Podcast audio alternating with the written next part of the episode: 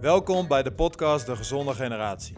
Mijn naam is Marco Neuvel en in deze podcast gaan we dieper in op hoe we voor iedereen een gezonde toekomst kunnen bieden. We gaan in gesprek over wat de huidige generatie beweegt, wat de gevolgen zijn van beweegarmoede en hoe we daar verandering in kunnen gaan brengen.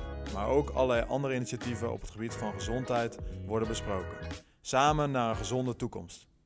Ik ben vandaag te gast bij Martijn Nijhoff op het eh, CTO in Amsterdam. Is dit ja? Talent Team eh, NL heet het. Talent Team NL, zo. Dus ik mag geen CTO meer Anders doen? word ik weer gecorrigeerd. Oké. Dat is sinds, sinds kort dat het zo... eh, ja, sinds een half jaar of zo. Talent Team NL. Ja, Oké, dus het ouderwetse CTO, dat eh, moet ik vergeten. ja. Is het nog een van de... Ja, er zijn ook een paar plekken weg volgens mij qua CTO. eh. En volgens mij is Eindhoven nog steeds overeind. En Papendal en eh Heerenveen, Amsterdam. En dan heb je Den Haag, Rotterdam is er tegenwoordig ook een. Oké. Zit in Den De Haag, voetbal zat ook hier volgens mij. Ja, die zijn gestopt. Zijn gestopt. Ah ja, dat was. En jij bent, dit is een beetje jouw eh werkomgeving? Dit is eh, een deel van mijn werkomgeving. En ehm, nou, we zitten hier in een sporthal waar je kan honkballen, kan atletiek, eh, krachttraining doen, kan turnen. eh, maar ook een hele grote hal hebben. Dus we kunnen hier eh, in ons programma mooi alles, alles onder één dak doen. En wat is jouw eh, rol in het eh, programma? In het geheel. Ik, eh, ik stuur eigenlijk alles aan. Dus ik, eh, ik heb een staf onder me met.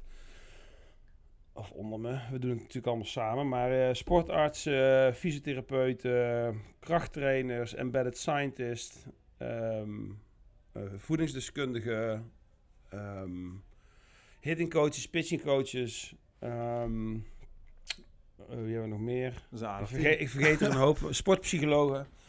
Ehm, en eh, lifestyle coaches. Dus eh, ja, het zijn 15, eh 15 werknemers, geloof ik. En daar ben jij de, de manager van. Ja, soort van, ja. Ja, klopt. Ja, en eh, dus ik stuur dat programma aan, maar het is ook, gaat er over selectiebeleid. Wie komt er in dit programma? Eh, dat doen we natuurlijk met z'n allen, maar ik eh, vaak gesprekken met de ouders erover. Ehm, programma's maken, persoonlijke ontwikkelingsgesprekken met de spelers. Ehm, Want voor welke, eh, even voor de goede orde, want ik denk dat niet iedereen weet vanaf welke leeftijd dit programma ingaat. Vanaf wanneer je nou hier naar Amsterdam zou kunnen, kunnen komen. komen. En vanaf je zestiende. Vanaf je Dus 16. we hebben eh, vier regionale talentencentra. Ehm Bussum, Rotterdam, Amsterdam en Haarlem. Ja. En daar kan je als 12-jarige voor geselecteerd worden. En als je dan daarin komt, dan is, zijn de beste, op het moment dat ze 15, 16 worden, kunnen we selecteren om het CTO in te komen het jaar erop. Dus dan zijn ze 16 of 17 als ze hier binnenkomen. Mhm. En dan is het de bedoeling dat ze hier gaan wonen. En dat ze in de off-season, dus in de winter, negen keer in de week trainen ze hier, voor school en na school. Eh, en dan in-season trainen ze hier nog vier keer. En de rest uiteraard bij hun club, want dan zijn ze competitie aan het spelen. En zo'n programma duurt dan eh, minimaal twee, maximaal drie jaar voor een speler. En daarna? En daarna is het de bedoeling dat ze naar college gaan of eh, een profcontract tekenen in Amerika. En dat lukt 90% van de tijd. En Oh wat- ja, echt? Ja, ja, ja. Zo? ja. En als, je, als het niet lukt, dan is dat omdat de speler erachter is gekomen dat hij dat eigenlijk niet wil. Dat is een hoog Dat slagingspercentage. is, ja. Dat, Ja, toch? we hebben het wel eens in Amerika. Maar wat je dus niet wil, is dat mensen naar Amerika gaan en dan daar erachter komen dat ze niet willen. En dan in één keer naar huis gaan met alle negatieve gevolgen van dien. Dus je probeert ze eigenlijk hier klaar te stomen voor het leven. Ja, Zeg maar wat ze aangaan. Ja. En dan, eh, ja, het is, het is, ehm, het, het gaat aardig goed, ja. Ja. Dus, ehm, ehm, ja, full scholarships ook daar. Dus gewoon eh, alles betaald. Als ze naar college gaan. En, en profcontracten ehm, gebeurt ook regelmatig. Want hoeveel honkballers eh, zitten er dan nu In hier in het programma? programma? 20. 20. Ja. Zo overzichtelijk. Ja. Toch? Net niet te veel. ja, Met een staf van 15. dat is aardig eh bemand. Ja, Ja. nee, dat. ehm, ehm, maar goed, natuurlijk, financiering komt voornamelijk vanuit NOC-NSF. Ja. Daar zijn we extreem blij mee. Maar ik heb hier wel eh, voor een groot deel eh, een staf kunnen samenstellen. Waar ik al heel lang mee samenwerk. Dus dat, dat, eh, dat is heel fijn. want We zijn heel goed op elkaar ingespeeld. En iedereen weet precies wat hij wat, wat van elkaar kan verwachten. en iedereen is ook nieuwsgierig om bij te leren heel de tijd. Dus het programma verandert ook constant. Mooi. En waar is die... Uh, want je zit nu in een managementfunctie. Ik weet niet of je ooit had gedacht dat je allemaal mensen moest gaan aansturen. dus ik ben benieuwd waar zeg maar, jouw pad is begonnen richting nu honkbal. Ben je altijd honkballer geweest? Of heb je andere sporten gedaan in je jeugd? Um, ik heb, uh, ik stuur niet, ik geef ook gewoon training zelf. Hè, ik maak Want dan zou ik echt uh, gek worden. Um, nee, ik ben eigenlijk uh, opgegroeid in een klein dorpje onder de rook van Eindhoven. En um, mijn oom honkbalde en die nam mij mee. En ik was verliefd. En ik ben ook gaan honkballen. En daarnaast deed ik zelf nog, speel altijd buiten, basketballen, voetballen, dat soort dingen. Um, en toen kon ik wel aardig honkballen. Je steekt er al snel bovenuit als je aardig kan gooien en kan vangen. Uh, dus toen werd ik al vroeg geselecteerd voor nationale jeugdselecties. Bij de Pupillen al, toen ik uh, eh, 11 was. Je had al een nationale jeugdselectie voor 11-jarige kinderen? Ja, ja. Oké. Ja. was gewoon leuk. Maar het was wel grappig, want uiteindelijk kwam ik in Jong Oranje. Ja. En dat is tot en met 18 eh, jaar, 17, 18 jaar. En dan bleek dat 60% of 70% van dat pupillenteam zat ook in Oranje. Dus dat was wel, uh, wel vreemd. Want eigenlijk zou dat niet moeten kunnen of kloppen. Uh, maar goed, de honkbaldichtheid is natuurlijk niet zo hoog. hè? We hebben niet, zoveel, uh, niet zoveel honkballers. Ja. Um, ja, dus ik heb dat allemaal doorlopen. En toen ben ik naar college gegaan in Amerika heb ik een jaar gedaan. Toen dacht ik, hier zijn er honderdduizend in een dozijn van mij. Want ik was een werper en ik gooide gemiddeld. Dus toen dacht ik, nou die honkbal professionele droom, die spat ook uit elkaar hier. En toen ben ik terug mijn opleiding afgemaakt in de Sportacademie, of de, de ALO, uh, in, in Tilburg. En ben ik hier in Nederland in de eredivisie gaan honkballen. En heb ik negen jaar in de eredivisie gehonkbald. Onder andere bij Neptunus de laatste vier jaar. En ja, op het einde uh, een aantal dingen. Ik ben toen gaan training geven voor Robert Eenhoorn zijn honkbalschool. Dus de Unicorns. Wist je meteen dat je dat wilde? Toen je Ja, toen ik, toen ik tien was, ik training geven. ja? Toen ik tien was, wilde ik gymleraar worden en honkbaltrainer. Echt? Ja. Zo. Dus ik wist al heel vroeg wat ik wilde. En ik heb eerst tien jaar ook gymles gegeven. En, uh, en ik ben nu honkbaltrainer. Maar um, nee, ik ging bij de Unicorns honkbaltraining geven voor Eenhoorn als pitchingcoach. Uh, terwijl ik zelf nog aan het spelen was. En toen was ik dus op de heuvel, want ik was die kinderen allemaal aan het analyseren en allemaal interne aanwijzingen aan het geven. En toen stond ik zelf op de heuvel ook zo te pitchen. Dus toen gingen mijn prestaties, die gingen heel hard achteruit. Terwijl ik zelf niet door had waarom dat nou zo was. Uh, dus ik ben, en, en uh, ik was niet goed genoeg om in het Nederlands team te komen, dus ik moest werken. Ja. En ik was uh, dinsdagavond, donderdagavond en zaterdag en zondag heel de dag aan het honkballen. En ik had een vriendin, kinderen. Um, dus toen dacht ik, dit, dit gaat er niet meer worden. Dus toen ben ik, training, ben ik gaan coachen in Eindhoven. Dus zo is dat een beetje ontstaan. Ja. ja. En uh, dingen die je toen deed? Wat, wat, hoe kijk je terug op die tijd, toen je begon met training geven en, en nu? Ja, ik heb één eh, enorme openbaring gehad. En ik, ik had ook van Robert Eenhoorn een, een, een, programma gekregen dat heet Right View Pro. En daar kan je dus uh, spelers uit de Major League kan je daarin stoppen, inladen. Die zie je dan en die gaan er door allerlei fases heen. Maar je kan dan ook die speler uit, uit Nederland die aan training geeft, kan je in hetzelfde programma stoppen. En dan kan je dus precies vergelijken hoe die speler ervoor staat. Ten opzichte van die... Ja. Dus het was heel simpel, dacht Benchmark. ik. hey, uh, kijk, jouw voet uh, die, is, die landt zo en al die medische landen zo. Dus dat, dat moet je eigenlijk doen. Oh ja, maar je moet ook je elleboog hierheen halen en je moet je heup eerder indraaien. En je hoofd moet stil blijven. En, nou, heel veel instructies geven. Heel veel instructies, heel veel intern. Ja. Dus, dus gefocust op je lichaam. En... Ehm, nou, zo gaf ik training en zo geven heel veel mensen training. Maar toen kwam ik op een gegeven moment, uh, belde iemand mij op van de ALO, want dan gaf ik nog wel eens wat clinics voor softbal. Ik zei, je moet hier met deze man komen praten. Want hier loopt iemand rond, die moet je even honkbal uitleggen. Dus ik ging daar naartoe en ik nam mijn computer mee en ik begon die man uh, honkbal uit te leggen. En na tien minuten begon hij te praten. En toen heb ik eigenlijk 2,5 uur niks meer gezegd. Maar mijn kaken die hingen wel uh, op de grond. Dat was Frans Bos. En ja. um, ja, sindsdien is eigenlijk uh, alles veranderd. Mm -hmm. eh, ben ik totaal anders aan het na, daarna gaan kijken. Ben ik opnieuw heel veel boeken gaan lezen. Frans is mijn mentor geworden. Want hij is een eh be beweegexpert, mag ik hem zo noemen. Ja, Met allerlei opleidingen over de hele wereld, volgens mij. ja, het gebied van coördinatie. ja. Motorisch leren, Motorisch leren. controle, neurofysiologie, decentrale controle. Nou, dat soort eh, moeilijke termen. Eh, maar over heel de wereld. Hè. Dus hij heeft Japan rugby heeft hij getraind. Hij heeft tien jaar is hij, eh, bij Wales rugby geweest. Hij is ook adviseur van voetbalploegen, volgens mij. Ja, Ja. en hamstring eh, revalidaties is hij eh, een van de beste eh, van de wereld in. Ja, over heel de wereld, eh, behalve vaak in Nederland, eh, maar over heel de wereld, eh, ja, extreem Actief, goed. maar niet, niet zo actief in Nederland. Nee, Want in Nederland kent niet, niet iedereen hem. nee. Wat bijzonder is, op zich. Ja, het is zo'n bijzonder verhaal. Ja, toch? Ja, vind ik wel.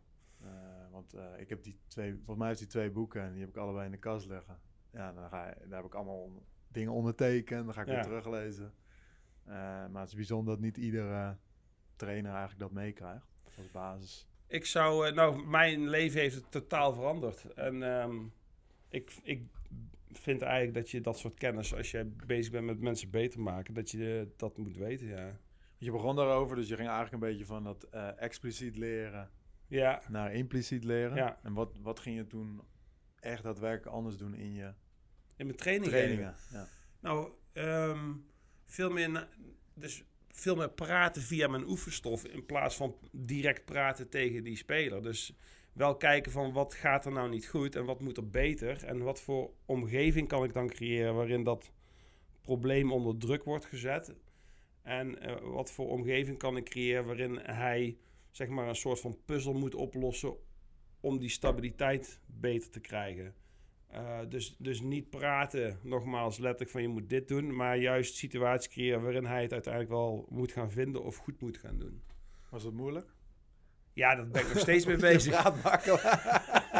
Nee, dat is een. eh, en het is ook zo dat, dat voor de een dat wel eh, op die manier werkt en voor de ander niet. Dus het gaat daarbinnen juist in de variatie van verschillende oefeningen. Ja. Dus niet proberen. Als mensen vragen wat, wat zijn nou je beste drie oefeningen om te doen? Zo werkt het dus niet. Het gaat juist om de, het aanbieden van heel veel verschillende oefeningen met hetzelfde eh, thema wat opgelost moet worden. Zodat je van die variatie, waar dan heel veel ehm, informatie voor de eh, lerende, hè, voor die speler uitkomt, waardoor die denkt, hé, hey, ik moet een aanpassing gaan maken of niet. Dus als je iets doet wat je al kan, dan leer je niks. Mhm. Dus je moet een oefening doen waarin er een bepaalde succesrate in zit. Dus laat Ja. ik zeggen, het moet 60% tot 80% goed gaan. Dat betekent dus dat er 20 tot 40% fout moet gaan. En dat is een ideale mix om voor het lichaam te zeggen: hey, ik moet iets aanpassen, ik moet iets veranderen. Laat ik eens op zoek gaan naar iets nieuws. Mensen hebben het altijd over de comfortzone en dan de, de stretchzone. Eh dan Ja, zit je in de zegt eh, van eh, wat, je vaak hoort, kan je even tien oefeningen naar me doorsturen die je kan gaan doen. Zo kwam je eigenlijk achter van, nee, dat, dat is het niet. Nou, als het zo werkt, dan zit iedereen heel snel in de eredivisie of Ja. in de Major League natuurlijk, in, Ja. qua honkbal. Maar dat is nog steeds hoe, eh, ik krijg nog steeds vaak berichtjes van, eh hey, ik, eh, ik had een leuke oefening voorbij zien komen, kan je die doorsturen? Ja, En dan nou ga ik ook natuurlijk denken van, hé, maar denkt hij dan niet zelf na? Maar, Ja, en het, het, het- wat het nog moeilijker maakt, is dat je het eigenlijk nog individueel moet maken ook nog. ja. Dus als je 20 spelers hebt, dan, dan en daarom maken wij dus een, een bewegingsanalyse o- ehm, op een dieper niveau over beweegconcepten die eronder liggen. Zoals een voetplaatsing van boven, of, of hoe moet ik nou precies eh, de load doen, of eh, de kinetic chain, eh, of, of het decelereren van een beweging. Maar bijvoorbeeld bij het slaan, als je dat dan gaat trainen, ja, hoe zou je daar dan in kunnen... eh, jij wilt een bepaald doel halen. Hoe ha- behaal je dan dat doel? Misschien kun je een voorbeeld uitleggen van... Als ik dit wil bereiken met het slaan bij een speler... dan zou ik dit bijvoorbeeld kunnen veranderen in de omgeving. Ja, als je dus... eh, eentje die ik vaak gebruik, die makkelijk uit te leggen, is de voetplaatsing. Hè? Dus die voetplaatsing, die moet... je, hebt, je hebt interactie met de grond, dus grondreactiekrachten. Dus als ik, mijn, als ik met mijn voet als ik die niet recht van boven naar beneden of zelfs een beetje terugtrek, dat noemen ze swing leg retraction, waardoor ik mijn hamstring aanspan van de heup waar ik omheen moet draaien, dan ga ik heel efficiënt draaien. Als ik nou inschuif, dan eh, gaat dat een stuk minder goed. En dat betekent dus dat ik veel ruis op de lijn heb en dus minder efficiënt beweeg. Mhm. Nou, dan kan ik zeggen, je moet die voet, voetplaatsing van boven doen. Eh, maar dat werkt dus niet. Of minder. Ja. Niet moet ik eigenlijk niet zeggen, want je kan ook prima ergens komen met interne focus natuurlijk. Ehm, als, als je een trap oploopt, Ja. dan met die voet die je op de trap zet, die zet je van boven naar beneden neer. Daar schuif je niet mee in. Dus we kunnen wel zeggen, als je ergens opstapt, Ja. dan heb je die voetplaatsing van boven. Dus je kan gaan slaan met allerlei verschillende hoogtes eh, waar iemand zijn voet op moet zetten. Aha. En die variatie in al die verschillende hoogtes zorgt ervoor dat hij dat concept van boven ergens Plaatsen. opstappen, die plaatsing, dat hij dat gaat eh, eh, snappen. Maar niet snappen met zijn brein, maar snappen met zijn lijf. Ja, ja. Eh, als je in een zandbak gaat slaan, dan krijg je dus een. De feedback wordt alleen maar vergroot, omdat als je ergens instapt en ik schuif in, dan schuif je alleen maar meer in. Als je die voetplaatsing van boven of een beetje onder je, onder je vandaan trekt naar je toe, dan als je dan in die zandbak instapt en naar je toe, to- dan wordt dat alleen maar vergroot. Dus dat soort dingen kan je. Dus heel erg dingen in de omgeving aanpassen. ja, Waardoor diegene het gedrag gaat staan dat jij eigenlijk wil. ja, Toch? ja. En zou dat ook op een, met, met de regels kunnen? Of doe je daar ook dingen mee? Dus eh, dat je bepaalde regels of taken voor diegene toevoegt aan. Dus je kan dingen in de omgeving veranderen, maar Je kan ook een taak toevoegen. Je kan eh, bijvoorbeeld, em, als iemand geslagen heeft, dan moet hij met zijn knuppel, als hij naar extensie gaat, dan moet hij beide armen strekken eigenlijk in de richting van waar de bal vandaan komt voordat hij zijn swing afmaakt. Hè? Dan sla je door de bal heen. Ja. Als, als, je dat, als dat goed gaat, kan je ook zeggen, stap nou met je achterste been na je slag gemaakt te hebben in de richting van waar die bal naartoe vliegt. Ja. Of waar, ja, waar die naartoe... Als je dat niet kan, eh, dan, dan staan je heupen verkeerd. Eh, eh, en is dus dat een feedback eh, systeem wat past bij goed bewegen. Dus Ja. dat is een taak toevoegen aan het einde van een beweging. En als hij die kan, dan weet je dat daarvoor alles goed gegaan is. Ah, ja, ja. Eh, dus dat is knowledge of, eh, of, of result eh, informatie krijg je dan. Ehm, hè, dus het resultaat van de beweging zorgt ervoor dat je goed bewogen hebt. Ja, dit is allemaal best wel lastige concepten. Maar als je dus... ehm, Nee, maar voor diegene die nu vanmiddag ook honkbaltraining gaat geven, of voetbal, of, of, eh, of hockeytraining, of welke ja, maakt niet uit, ja. Ja. Dus het idee, het concept is, eh verander iets in de omgeving, Ja, waardoor die speler of spelers het gedrag gaan vertonen wat je wilt. ja. Dat is dat ehm, heel goed, simpel samengevat. En, Absoluut. En dan is het voor hun om na te denken, dus wat kun je met, hè, als het om andere teamsporten zoals voetbal, hockey, handbal, basketbal gaat, van hoe kun je misschien iets met de veldgrootte doen in de omgeving, of Ja. met materialen. Nou, ik weet dat ze in het hockey hebben ze bijvoorbeeld eh, een, een bal waar het middelpunt uit het midden ligt. Zeg ik dat goed? Ja. Een soort van ei en die rolt anders. En daardoor moet je natuurlijk al heel Aanpassen. veel gaan anticiperen op. En wordt je voetenwerk uiteindelijk natuurlijk verbeterd, omdat je constant eh, je moet aanpassen aan wat die bal doet. Eh, dus, eh, nou ja, een ander voorbeeld kan zijn, je met, eh, mensen gaan altijd met één, met één knuppel slaan. Ja, je kan natuurlijk ook met allerlei verschillende knuppels gaan slaan, waardoor je... Dus de- materiaal, ander materiaal. ja, ander materiaal gebruiken. Je moet dan wel goed in de gaten houden dat het niet te zwaar of te licht wordt, want dan ga je je spier op een andere manier gebruiken. Eh, dus het, het, je moet wel altijd je patroon vast kunnen houden. Je, je, waarin je, als ik aan het slaan ben, nee, laat ik zeggen, als ik aan het gooien ben, een bal aan het gooien ben, en ik stop een kogel in mijn hand en dan ga ik mee gooien, Ja. dan gaat het fout, is veel te zwaar. Een kogel, die is niet voor niks zo zwaar, die moet je dus gaan stoten. Ja, ja. Eh, dus je moet dat wel in de gaten houden. Het is geen vrijbrief om maar alles te kunnen gaan doen. Wat misschien maar een, een beetje in de verste verte op de beweging lijkt. Je moet wel goed nadenken over eh, En eh, is het dan ook moeilijker bij honkbal dan bijvoorbeeld bij eh, hockey bijvoorbeeld? Nee, bij- ja, ik denk dat Om het eigenlijk bij honkbal eigenlijk dat ik daar mazzel mee heb. Dat het allemaal pitching is een gesloten skill. ja. Slaan is een open skill. Alleen ja, die bal komt toch echt. Ik weet dat die naar mij toe komt. Ja. Dus het, is al, het zijn allemaal vrij. Het zijn hartstikke moeilijke bewegingen, maar vrij geïsoleerd. En daardoor kan je dit vrij makkelijk. Als je naar hockey gaat kijken, is er zoveel interactie met tegenstander. met tegenstander ja, en met je, en je, en je, je teamgenoten. Dat je tactisch en eh, technisch kan je natuurlijk in die zin dan opbreken. En als je dan gaat kijken, hey, hij slaat technisch niet goed. Dan moet je gaan kijken, hoe komt het nou dat hij technisch niet goed slaat? Ja. Ehm, maar ja, ik, het zou zomaar je kunnen zou- zijn dat het, dat het wat lastiger is voor... eh, Omdat juist de omgeving continu verandert. ja. En eh, dus tegenstanders, medespelers. Nou, ik denk niet... De ik- bal in beweging.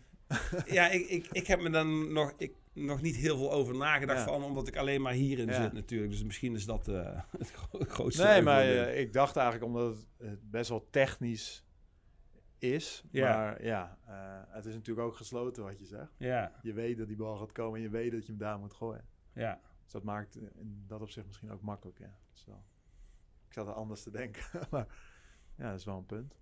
Nee, maar bij, bij voetbal, eh, hè, je kan natuurlijk met die sticks wat doen. Je kan met die ballen wat doen. Ik weet dat ze bijvoorbeeld bij een hoop voetbalteams ondertussen op allerlei verschillende ondergronden Ja. aan, het, eh, aan het voetballen zijn. Ehm, nogmaals, ik denk dat het verstandig is om goed te kijken naar elk individu. Dat Ja. maakt het eh, arbeidstechnisch wat intensiever. Ja. Eh, maar uiteindelijk leer je daar het meeste van. En ho- hoe jij dat hier doet, is dat eh, uniek voor de honkbalwereld?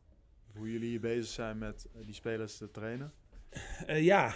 Ja. dat. ja, ja. Ehm, ik had gehoopt en gedacht van niet, maar ik ben ondertussen op heel veel plekken geweest. En daar blijkt het voornamelijk te zijn dat de, eh, het is niet overal, maar de mate waarin maar wij het doen is wel uniek. Hè? Want wij doen ehm, een speler die wordt geanalyseerd en daar zit de krachttrainer bij en daar zit de hitting coach bij en daar zit, daar zit een heel team omheen, de fysio bij. En we gaan kijken wat, wat hij doet, wat dat betekent. Hoe kunnen we hem helpen, beter slaan of beter gaan gooien, door ook krachttraining te individualiseren. Ja. Eh, en niet alleen de skill training. Dus dat, die koppeling, die zie ik heel weinig. Kracht en techniek eigenlijk. Ja. ja, je kan natuurlijk als iemand door zijn enkel zakt, dan kan dat een verkeerd beweegpatroon zijn, maar het kan ook gewoon eh, zijn dat zijn enkel niet sterk genoeg is. Ja. En dan moet hij zijn enkel optrainen. En, dan, en een, spier kan verlengen en verkorten en in isometrie gebruikt worden. Als het in isometrie gebruikt wordt en een hele regio wordt in isometrie gebruikt, dan wordt het, dan noemen ze co-contracties en dan wordt het een veer. Wat is isometrie? Dat het niet verlengt en verkort. Oké. Ehm, en dat betekent, eh, als ik, als ik energie aan het doorgeven ben in een beweging, dan, dan gaat dat heel vaak via elastische componenten in je lichaam. En dan gebruik je je spieren meestal in isometrie, eh, co-contracties. En dan nemen de, de veerwerking van je pezen en je, je bindweefsel wat er omheen zit, neemt de functie van die spieren over. Dus als je die spier dan gaat trainen als pomp in de krachttraining, dus met verlengen en verkorten, dan train je die spier precies tegenovergesteld als dat je hem zou gebruiken in je Ja, sportbeweging. precies. Nou, En jullie dat proberen dat op dus elkaar niet. af te Ja, wij stemmen. proberen dat compleet op elkaar af te stemmen. En eigenlijk, eh, je zegt, eh, want je bent ook veel in Amerika geweest. Ja, Was je volgens mij onlangs eh, ja. nog? ja ik sta, ik sta twaalf weken onder contract in Amerika bij, eh, bij een Major League team. En Ja. daar help ik eh, dit onder andere, dus de, de, de brug tussen krachttraining en skilltraining eh, ehm, te slaan. En ook coaches eh, ehm, Op te op te leiden, zodat ze beter eh, training kunnen geven. Twaalf weken. Ja, Dus, en dan ga je dan een aantal keer per jaar naartoe. ga op en neer. En dat zijn in de weken dat je hier... Dat is in de, in de zomer hier, als zij bij hun club zijn. zitten. Ja. En, eh, en dan is daar het seizoen ook begonnen. wat zijn dan de grootste verschillen tussen eh, Nederland en, en, eh, en Amerika? Dus je zegt, eigenlijk zijn we hier met iets uniek bezig. Unieks bezig. Nou, dus de schaal, hè. Ze, dus de, zo'n Major League organisatie heeft dus een team op het hoogste niveau. Maar heeft ook nog zeven teams daaronder. En je, moet je, dus, je kan daar niet promoveren en degraderen, maar ze hebben gewoon op elk niveau zit een team. En je moet binnen je eigen organisatie moet je omhoog werken om uiteindelijk in de Major League te komen. Dus ze hebben daar 350 spelers onder contract. En dat is, dat is een, nou, ik denk 80 of 90 honkbalcoaches. En daarnaast nog krachttrainer en zo. Dus het is gewoon heel groot. En zit Ja. dan over allerlei verschillende steden verspreid. Daar natuurlijk de grootste sport. Een van Een de van de- grootste, ja.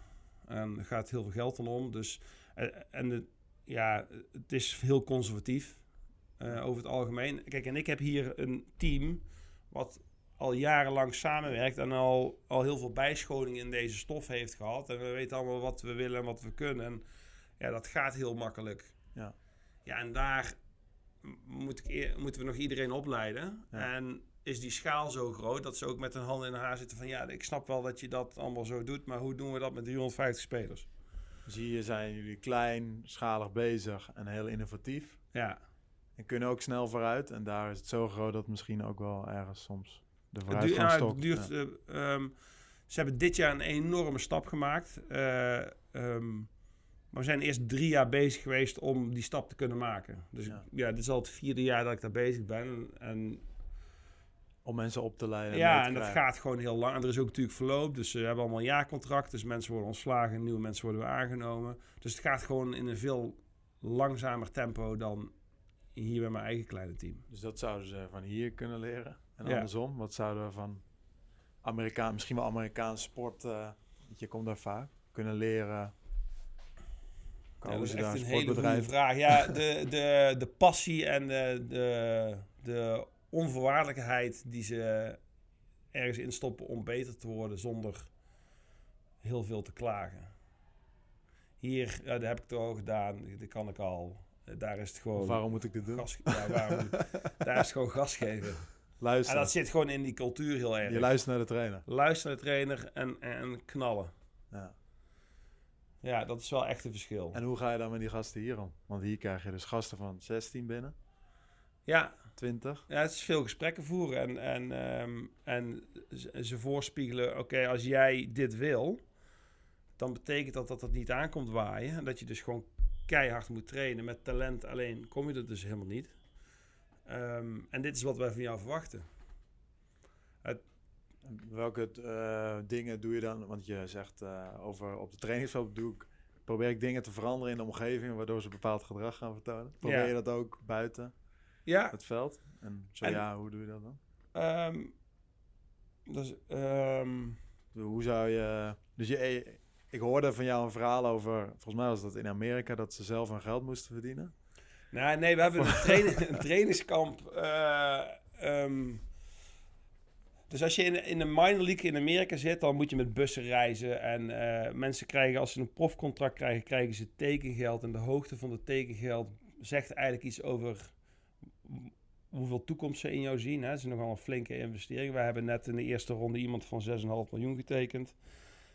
Eh, dat is gewoon bonus. Dus dan krijg je extra gestort op je rekening. En iemand anders krijgt 10.000 euro. Nou, dan snap je ook wel dat diegene die 6,5 miljoen heeft gekregen... net even wat meer kansen krijgt dan diegene die... Ja. Nou, dus wat wij... En ze moeten met bussen reizen, zei ik al. Hè? Dus ze spelen 142 wedstrijden in een seizoen. Ehm, dus dat is in de bus reizen en dan spelen en dan weer de bus in. En het is gewoon heel zwaar. Ja. Nou, wat wij dus wel eens doen als mini-trainingskamp... is naar Toulouse rijden. Dus dan hebben ze op zaterdag en zondag hebben ze bij een club gespeeld. Stappen op zondagavond in de, in de bus. En dan rijden we de nacht door naar Toulouse. En dan komen we aan. Dan hebben ze hun telefoon moeten inleveren. Dus ze moeten dan wel met elkaar communiceren en niet heel erg op een telefoon zitten. Eh, die moeten ze in een envelop sto- eh, stoppen. En in die envelop zit dus ook een, een fictief kaartje of geld. Eh, een kaartje waarop staat... Jij bent getekend voor 3,5 miljoen en jij voor 10.000. En alles wat ertussenin zit. En als je dan dus in Toulouse aankomt bij dat eh, trainingscentrum... dan hebben ze daar nieuwe appartementen waar je kan slapen. En ze hebben zeg maar oud Oostblok Achtige. achtige, daar wil je niet slapen. En degene met, de, me- degene met het minste tekengeld, die slapen dus Daar. daar. Ja. En degene die het meeste tekengeld hebben, die slapen in het, eh, in het kasteel.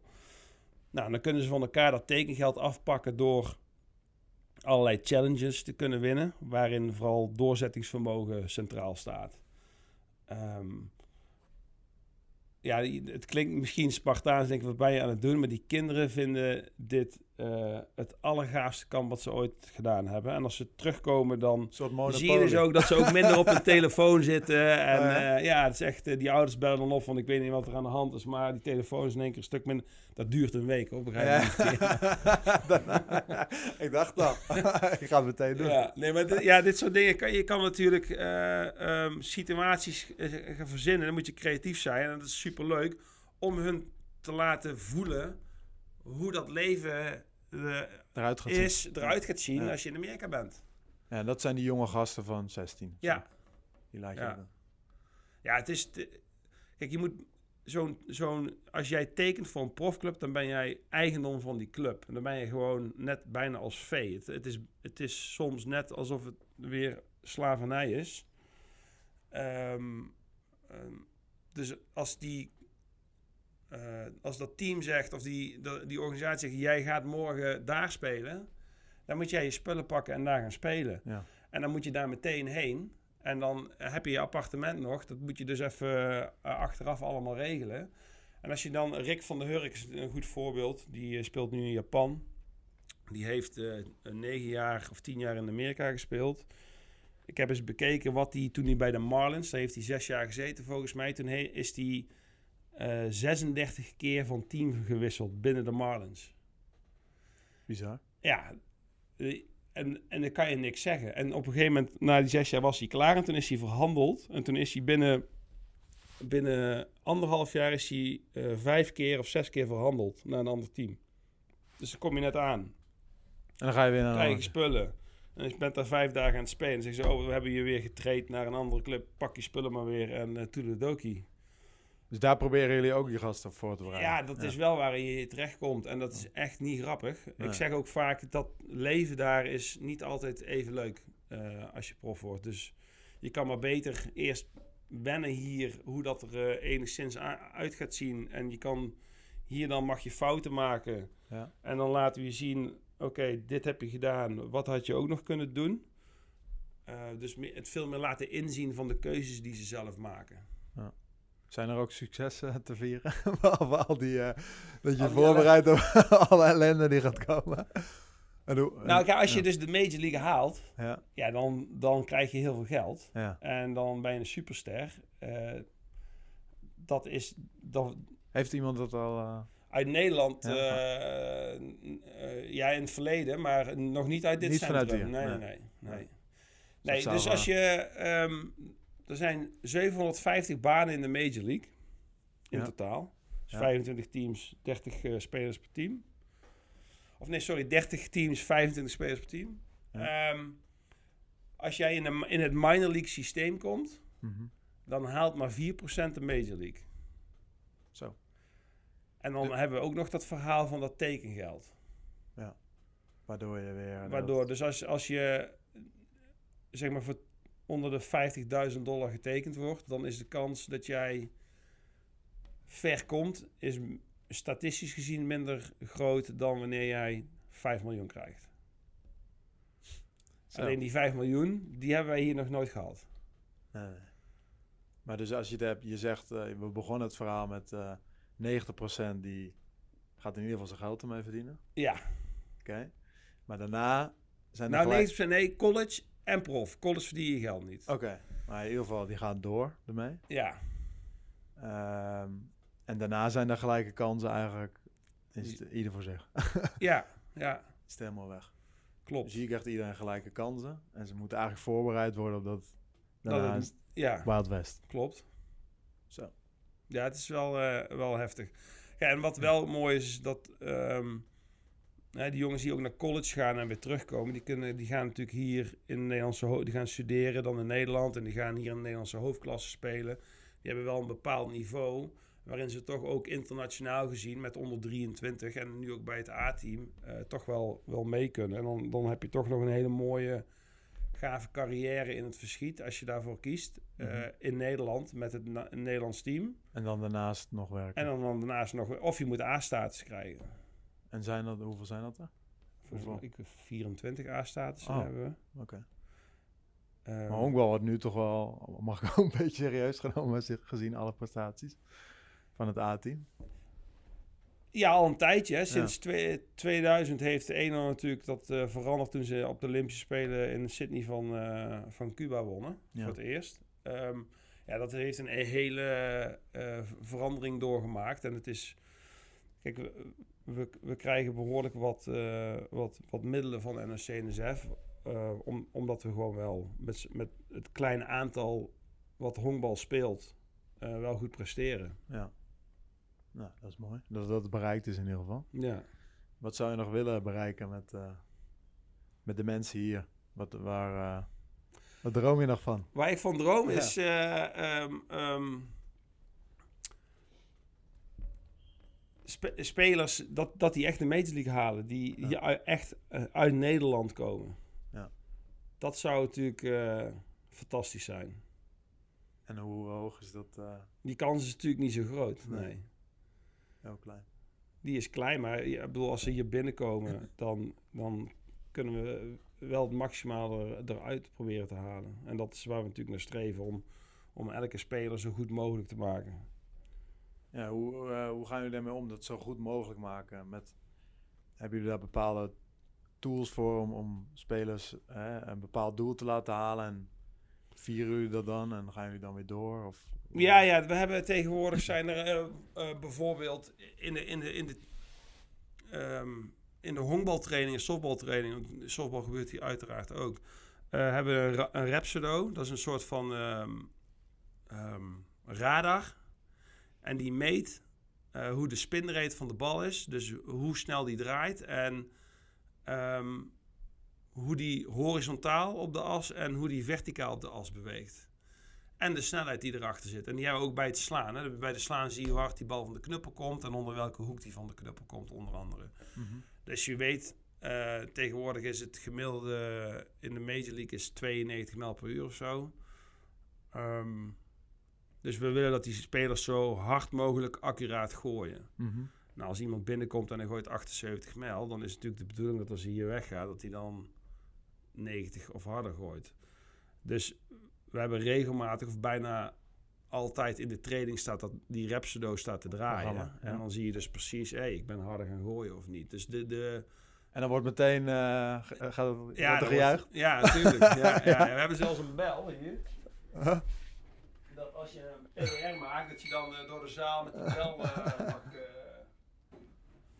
Ah, lachen. mag rammen. En dat zorgt natuurlijk ervoor dat dat Bepaald super gaaf is om te Ja. doen. eh, dat vinden die kinderen hartstikke leuk. En dat is ook natuurlijk super cool. Ja, heel gaaf. En wordt er ook iets van voortgang bijgehouden? Eh hebben jullie online systemen? Of... Ja, we hebben een per- persoonlijk ontwikkelingsplan. Eh, wat van die speler is. En daar staat eh, wat wil ik bereiken, op welk gebied en wanneer wil ik dat bereikt hebben en wie heb ik daarvoor nodig en hoe denk ik daar te gaan komen. En dan hebben we daar gesprekken over. En, en die analyse die we maken, die weesanalyse, die, die, Zit er ook? daar zit daarbij. Dus Ja. er worden, we werken steeds eigenlijk met periodes van zes weken. Ja. We, willen- we maken dus een plan voor zes We maken geen plan voor een heel jaar. We maken een plan voor zes weken. Ja, ja. En dat voeren we uit. En daarna doen we het weer evalueren. En dan kijken we of het plan gewerkt heeft. Als het gewerkt heeft, dan maken we een nieuw plan. Als het niet gewerkt heeft, ja, dan maken we ook een nieuw plan. Maar dan moeten we dus dingen Aanpassen. aanpassen. eh, ehm, En waarom zes weken? Is daar een reden voor? Eh, ik denk dat eh, zes weken overzichtelijk is, omdat je dan wel veranderingen kan, kan doorvoeren. Eh, en dat twaalf weken vooruitkijken voor iedereen veel te ver weg is. En, en langer dan dat al helemaal. En dat korter dan zes weken te kort is om het echt goed te doen. Komt ook Dus we maken een mi- eh, mini-sprints. trainingsleren. Ook vaak zes weken gehanteerd, volgens mij. Ja, dus als je kijkt naar dat periodiseren, er, er verandert zoveel in je lijf dat eigenlijk heel ver vooruitkijken niet zoveel zin heeft. Je moet gewoon kijken waar staat nu iemand en hoe gaan we weer kleine Ja. stapjes steeds eh, verder maken. En je begon over eh, een beetje die conservatieve wereld nog in Amerika. Ja, Eh, toevallig ken ik een jongen die hier eh, op het CTO zit, Mart. oké. Mart Blijleven. Ja. Komt uit Haarlem. Ik woon in Haarlem. En ik heb eh, in het verleden wel dingen met hem gedaan, ook andere sporten. Met hem geoefend, totdat hij uiteindelijk nou, steeds verder in het honkbal kwam en hij vertelde over dat hij eh 60 yards volgens mij moest sprinten Ja. in Amerika op, bij een bepaalde club. Ik weet niet precies, een soort voortraject. En eh, nog een paar andere testen. En toen dacht ik, oké, waarom moet je... waarom zijn dat... Ik verbaas me over de testen die ze moesten doen. Daar verbaas ik me ook over. ik dacht, wat, waarom, moet hij, waarom moet hij zoveel meter rechtdoor sprinten? Ja. En nog een paar testen waarvan ik dacht, oké, waarom wordt dat getest? En welke toegevoegde waarde? Ja, dus wij Even. doen die testen ondanks dat wij weten dat dat niet gebeurt en dat je in, een, in, dat je in bochten moet lopen. Ja, Is, is toch die wereld wil die, Die 60 testen zien. yards zien. Ja. Dus we trainen dus ook die 60 yards, omdat dat is wat zij vragen. vragen. Nou. En zij komen toch ook echt in die wereld waar ze daarmee moet le- moeten leren omgaan. Dus het is. ehm, we, we trainen zoals we trainen, maar we moeten natuurlijk ook rekening houden met waar, ze voor, waar ze naartoe gaan. Ja. En, en ze moeten ook wel weten hoe ze daarmee moeten omgaan. En ze moeten toch, hoe je het ook bent verkeerd, die test doen. Ja, dus die tests worden hier gewoon geoefend. Ja. Hm. Ja. Interessant. Ja. Ja, dat vind ik wel grappig. Hey, en eh, we gaan ook een beetje naar een afronding, denk ik. Want volgens mij kan ik hier nog eh, een uur met je over lullen. Eh, wat zou jij, want je bent echt hier met topsport bezig. Wat zou je, zeg maar, aan de gemiddelde trainer willen meegeven? Misschien wel vaders, moeders of een selectietrainer bij een amateurclub. Wat zou je kunnen doen in de training om meteen voor meer plezier en variatie? Eh, goed Dus nadenken over de organisatie, zodat er eh, veel meer balcontactmomenten zijn. Dus eh, weet je wel, het- in rijtjes van, van, van tien staan en dan wachten dat je een keer een bal mag fielden. Eh, probeer daar inderdaad naar te kijken hoe kan ik er nou voor zorgen dat eh, iemand vaker kan fielden. Je kan natuurlijk ook zeggen, hey, diegenen die in die rij staan, die kunnen ook best een bal naar iemand rollen. En dan kan je tweetallen maken, of, of drietallen. Dan kan je hem ook nog ergens heen gooien en vangen. Dat, dat, ehm, dat kan ook op, dus op een andere manier. En het gaat natuurlijk om hoe vaker ik balcontacten heb, hoe groter de kans is dat ik sneller leer. Ja.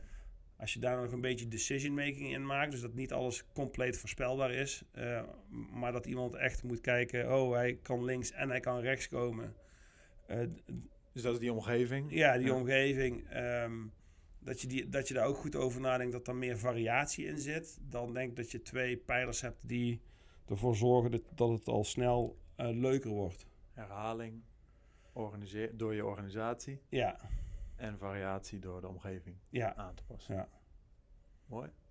ja. Wil je verder nog wat kwijt? Dat je nog niet Eh. gezegd hebt. Je hebt een paar mooie anekdotes. eh. Ja, ik, ik, eh, in zo'n gesprek gaat het goed als je dat nu zo voor me vraagt, Ja, omdat lastig, lastig. ja. Nee, leuk dit. ja, mooi. Ik wil je bedanken voor je tijd. Ja, graag gedaan. En wie weet. Precies. Fijn dat je hebt geluisterd naar deze aflevering. Heb je zelf een idee voor een inspirerende gast? Laat het ons dan graag weten. Wil je meepraten? Laat je reactie achter op onze socials. Samen naar een gezonde toekomst. Tot de volgende keer bij de Gezonde Generatie.